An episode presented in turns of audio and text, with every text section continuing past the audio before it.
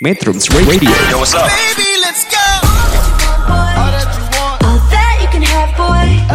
Got me spread like a buffet. Bon now, Now they always say congratulations.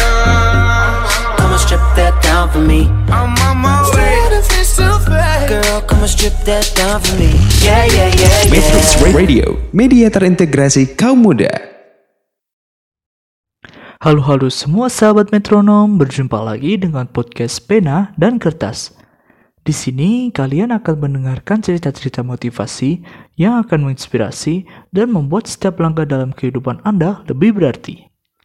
Oke, langsung saja cerita kali ini berjudul Arti Sebuah Kesempurnaan yang saya ambil dari situs ipinkau.com.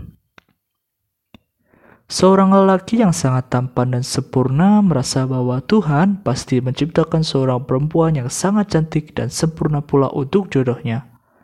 Karena itu, ia pergi berkeliling untuk mencari jodohnya. Kemudian, sampailah ia di sebuah desa. Ia bertemu dengan seorang petani yang memiliki tiga anak perempuan dan semuanya sangat cantik. Lelaki tersebut menemui bapak petani dan mengatakan bahwa ia ingin mengawini salah satu anaknya, tetapi bingung mana yang paling sempurna. Sang petani menganjurkan untuk mengecani mereka satu persatu dan si lelaki setuju. Hari pertama, ia pergi berdoaan dengan anak pertama.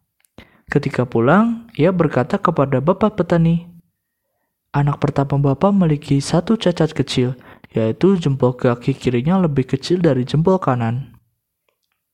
Hari berikutnya, ia pergi dengan anak yang kedua dan ketika pulang dia berkata, Anak kedua bapak juga punya cacat yang sebenarnya sangat kecil, yaitu agak juling.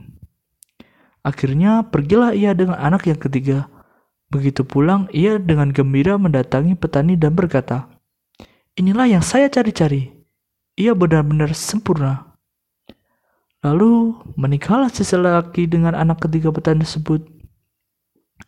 Sembilan bulan kemudian si istri melahirkan. Dan penuh kebahagiaan si lelaki menyaksikan kelahiran anak pertamanya. Ketika si anak lahir, ia begitu kaget dan kecewa karena anaknya sangatlah jelek. Ia menemui bapak petani dan bertanya, Kenapa bisa terjadi seperti ini pak? Anak bapak cantik dan saya tampan. Kenapa anak saya bisa sejelek itu? Petani menjawab, ia mempunyai satu cacat kecil yang tidak kelihatan. Waktu itu, ia sudah hamil duluan. Kadangkala saat kita mencari kesempurnaan, yang kita dapat kemudian kekecewaan. Tetapi, kalau kita siap dengan kekurangan, maka segala sesuatunya akan terasa istimewa. Baiklah, sekian dulu cerita motivasi pada hari ini. Semoga kita bisa berjumpa esok kembali. Sampai jumpa and always happy ya. Bye-bye.